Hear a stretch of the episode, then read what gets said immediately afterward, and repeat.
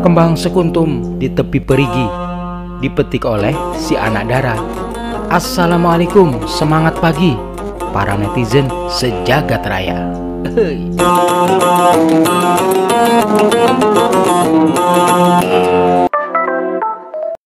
Tamu kita kali ini adalah dari Jikalah Hari.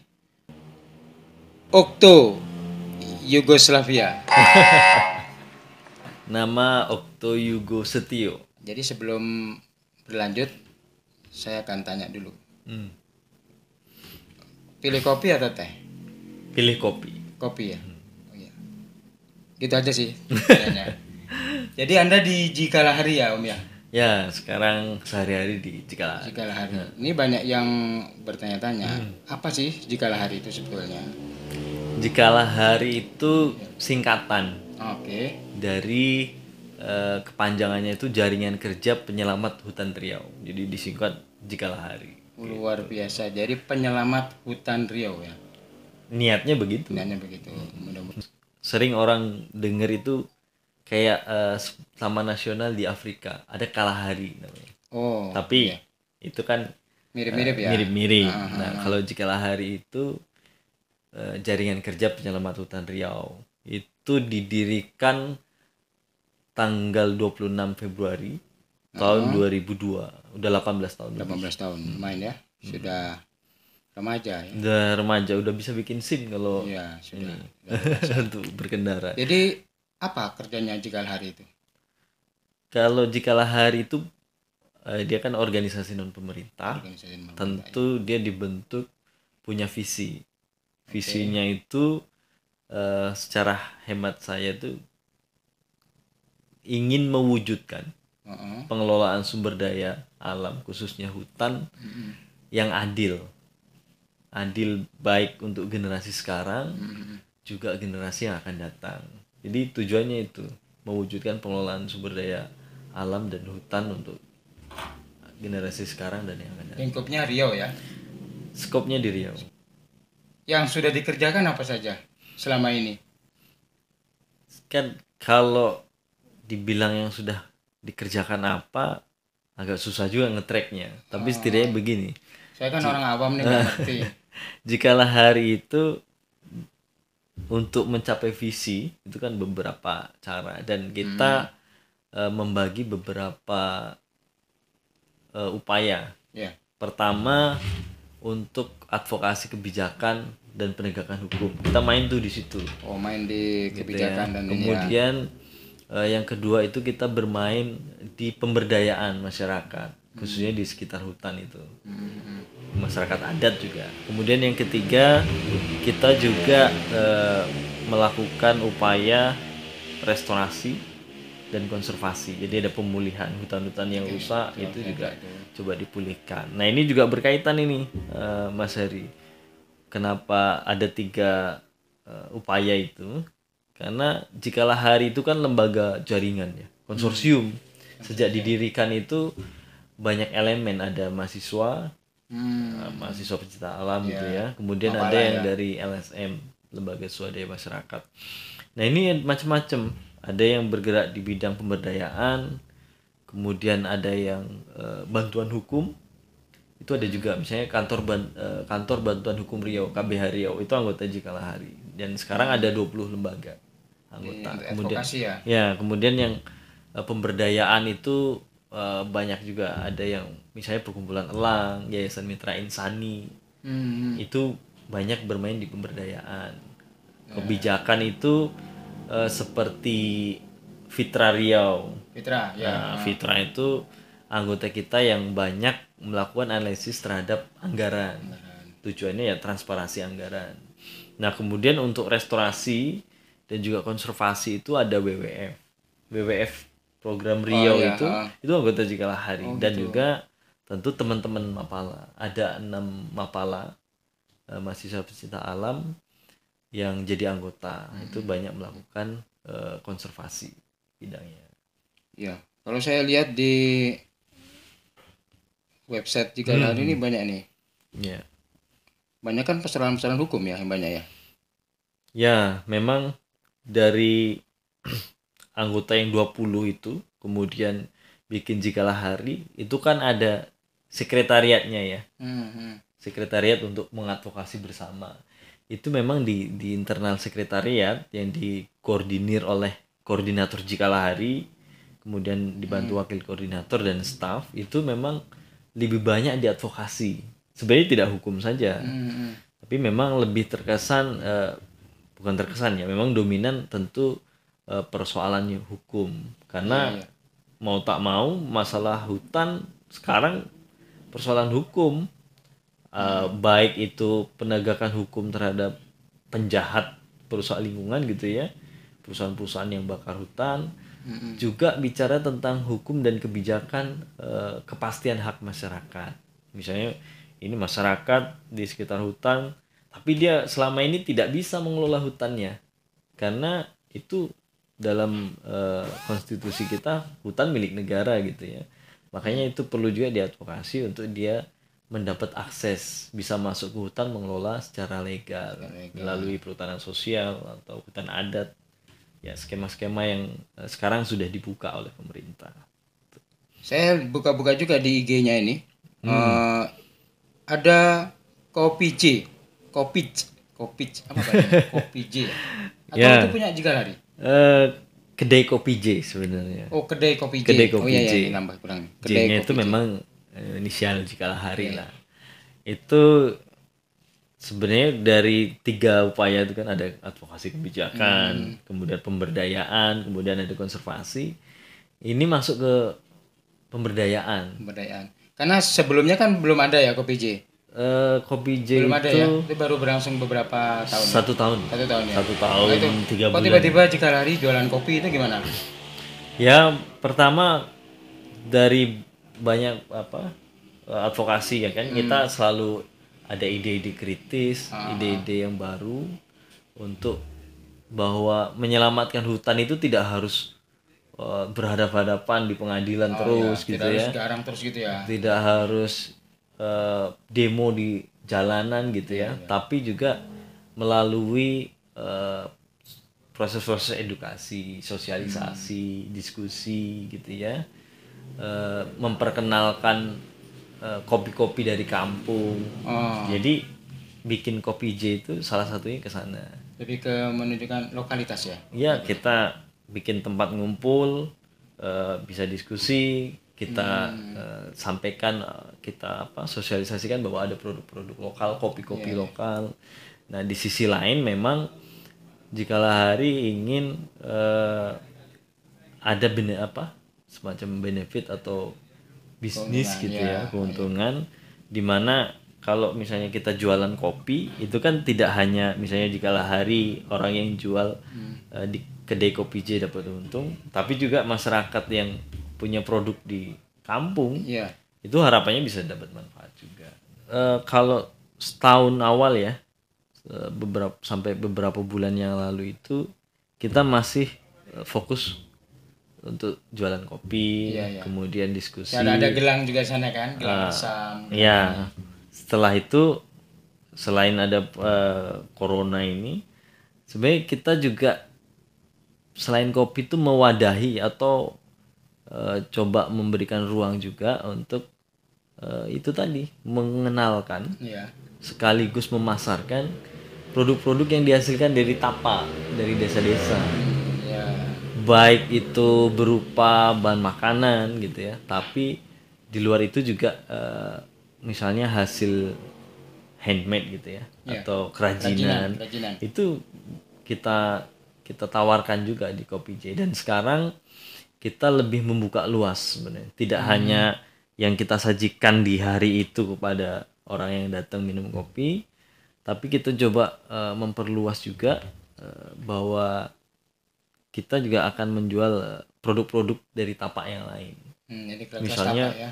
ya yang penting dia dari desa Iya. Eh, misalnya beras beras siak itu kan bagus Oh, iya. ya itu kita Oh, berasnya juga masuk di Kita- sempat di ini di kita akan mulai Oke. ini kemarin kita sudah coba eh, beli kemudian Iya. kita eh, bagi kemarin karena ada kegiatan Iya, iya. nah yang selanjutnya ini kita beli untuk eh, dijual. Dijual. Jadi produk-produk dari kampung kita tampung kita beli kemudian kita jual di di kota-kota dan di tempat jadi lain. netizen netizen uh, beras siap itu enak sebetulnya. Terkenal itu. Hmm, itu. bulan ya. ya jadi eh, mas di masa pandemi ini eh, seperti apa menyikapinya dari Cikalari ya itu dia tadi terkait dengan kesejahteraan masyarakat gitu. nah. Nah idenya juga yang tadi saya sampaikan itu kan bahwa awalnya kan kopi nih kopi jualan kopi dari beberapa daerah Hmm, ya. yang ada tuh kan dari Bengkalis kemudian dari eh, Inhu Inhu ah, itu suku Talang Mama Oh, iya. dampingan anggota Jikalahari Pasa perkumpulan alam Sumatera tuh punya dampingan di di suku Talang Mama Iya. Dan mereka panen kopi itu dijual di Dijual di kemudian di Rimbang Baling. Timbang Baling punya teman-teman eh, desa Kotolamo. Di sana yang bermain itu ada eh, rumah budaya suku Kluang kemudian Hmm. Hakiki itu pendampingan kopi dan kita juga jual. Mm-mm. nah itu awalnya gitu ya. Kemudian ada diskusi di tempat kopi J itu memang untuk diskusi gitu ya. Nah pasca ataupun mulai pandemi ini bulan Maret itu kan Ya. kita coba eh, bukan ya memperluas iya gitu ya tapi juga mencoba untuk bagaimana membangun solidaritas tidak Hmm. hanya bisnis gitu ya tapi Ya. bangun solidaritas bahwa setelah kita lihat baik itu dari dampingan anggota eh, dampingan jika hari gitu ya kemudian eh, ya kita kita ini kan orang-orang kampung juga sebenarnya lihat di Iya, kampung-kampung ada produk bahwa di tengah pandemi corona yang eh, sampai presiden bilang itu kan ini krisisnya beda seperti 98 Eh, dari segi eh, konsumsi Ya. atau demandnya itu terganggu dari sisi produksi pun terganggu Ya. secara ekonomi nasional gitu ya tapi kita lihat bahwa sesungguhnya di desa-desa itu ada produksi yang masih bertahan Mm-mm. gitu ya masih bertahan tersedia di desa-desa di kampung-kampung tapi tidak eh, selalu punya market atau punya permintaan dan pasar yang Mm-mm. yang mendukung. Nah, kita ingin membangun solidaritas itu juga. Nah, jadi di kita cek itu ternyata di Siak misalnya ada beras yang kalau pemerintah mau setiap saat itu selalu ada, tinggal pesen Hmm. pasti akan siap mau diantar atau mau jemput. Ya. Itu pilihannya bisa bisa milih. Kemudian di Kampar itu itu kemarin kita beli ikan salai eh, 100, ikan salai ya. 100 kilo. enak tuh Mas Ali Iya ikan salai patin itu Ya. as berapa mau pesen itu di dibuatkan. Ah, dibuatkan Jadi kalau ada pesen baru dibuat. Jadi lebih Oh, segar sesuai- dan sesuai pesanan ya dan tahannya. Itu tersedia. Kemudian di Meranti, Misagu, Kak, berapa mau pesan itu tersedia. Kemudian di Iya. Rohil misalnya, Bengkalis Rohil itu ada ikan asin yang kalau kita pesan itu tersedia. Artinya di kampung-kampung itu tersedia Hmm. produk-produk ini. Tinggal mereka kendalanya kan pemasaran. ya. Pemasaran. Nah, kenapa tidak kalau memang eh, terganggu gitu ya secara ekonomi sektor produksi kemudian Iya. sektor konsumsi atau demand, ya ini yang produksi masih berproduksi di desa-desa ini inilah kebangkitan kita untuk itu dibeli dan di Dipasarkan. dijual, didistribusikan segala macam. Coba bayangin apa Mas Hari kalau misalnya produk-produk yang tadi kita bahas itu siap beras, ada beras, kemudian di Kampar ada ikan salai, di Meranti ada sagu, mie sagu gitu ya. Di Rohil ada ikan asin. Di mana lagi misalnya di Inhu ada kopi, ada aren misalnya. Itu yang dibeli oleh pemerintah untuk bansos eh, bantuan sembako eh, masyarakat terdampak Covid. Jadi tidak hanya menolong orang-orang yang tidak bisa kerja di kota gitu ya, karena corona harus diam di rumah, tapi sekaligus menolong ini petani-petani yang yang ada di desa-desa itu tanpa harus ngasih duit, beli saja produknya. Pemerintah secara eh, langsung dan tidak langsung itu membantu petani-petani yang ada di desa itu. Inginnya solidaritasnya seperti itu.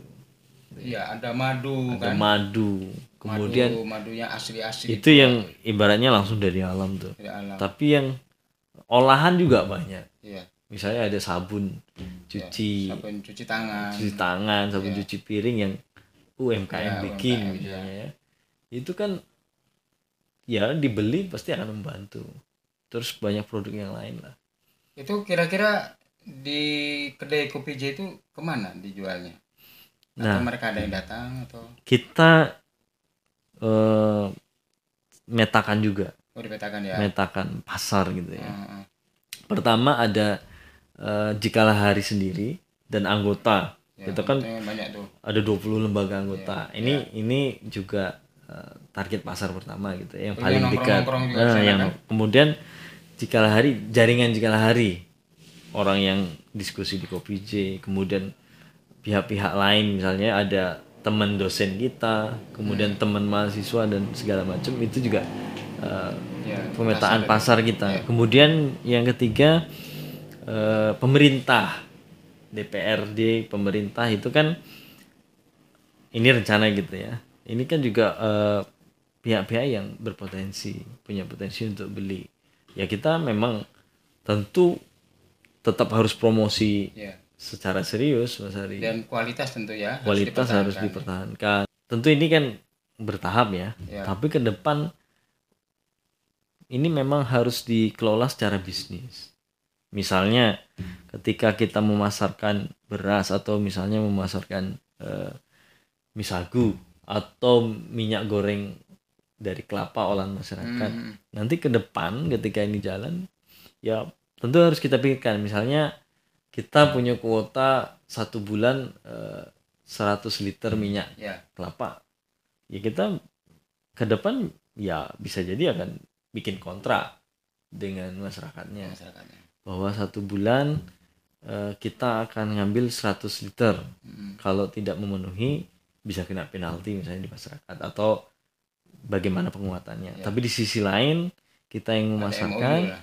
ketika 100 liter tidak diambil maka ada penalti juga ke kitanya gitu Ya, ya, itu itu pola-pola bisnis yang Win-win solution ya. eh, harus harus disiasati gitu ya ke depan karena kalau hanya pendekatan eh, program ada kegiatan oke sekali bisa kita beli banyak habis itu Iya. ke depan ya, kasihan kan Dan ini akan berkelanjutan kan? Terus Ya, kalau kita- cocok kan? Jadi setidaknya misalkan, misalnya oke, sorry saya cut. Kalau Hmm. misalkan ada eh, yang ingin seperti tadi, ada yang ingin menawarkan ini produk bagus nih, eh, alami, gitu kan?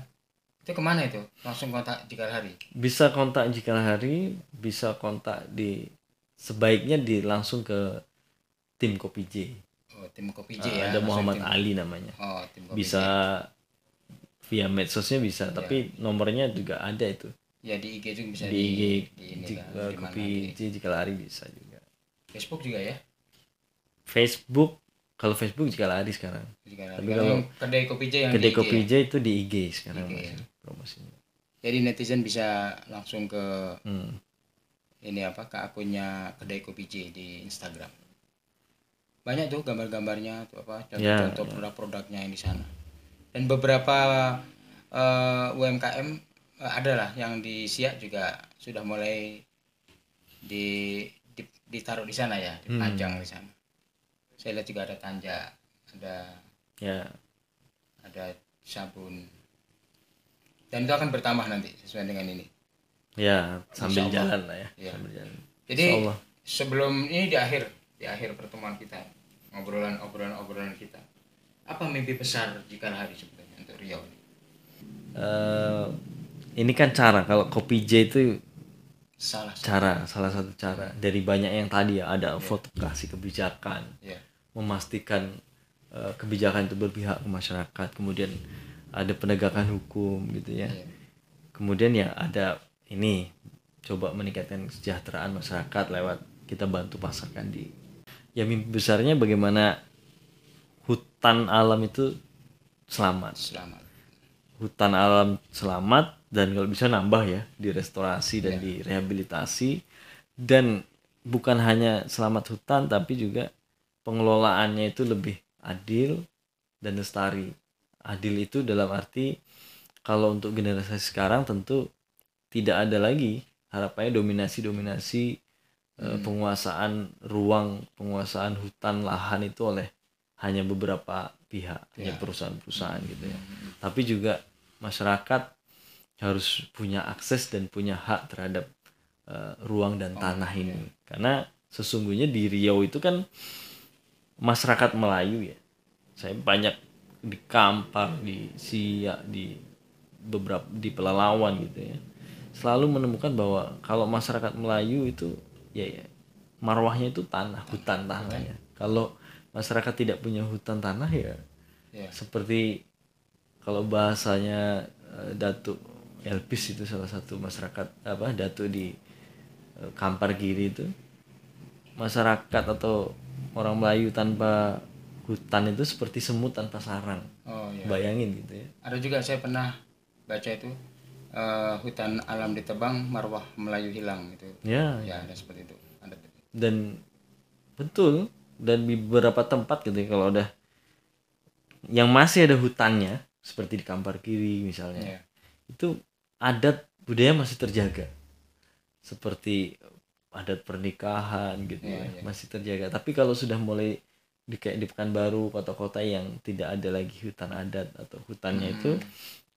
maka adat budaya itu banyak tinggal menjadi simbol tidak Iya. lagi jadi norma yang yang harus ditegakkan nah semua itu bisa terpenuhi kalau hutan dan alam ini terjaga dan lestari gitu Baik. itu sih singkat aja Netizen semakin hangat pembicaraan kita, tapi waktu jualah yang tidak mengizinkan. Bang Topik memasang luka, luka dipasang satu persatu. Billahi taufik wal hidayah. Assalamualaikum warahmatullahi wabarakatuh.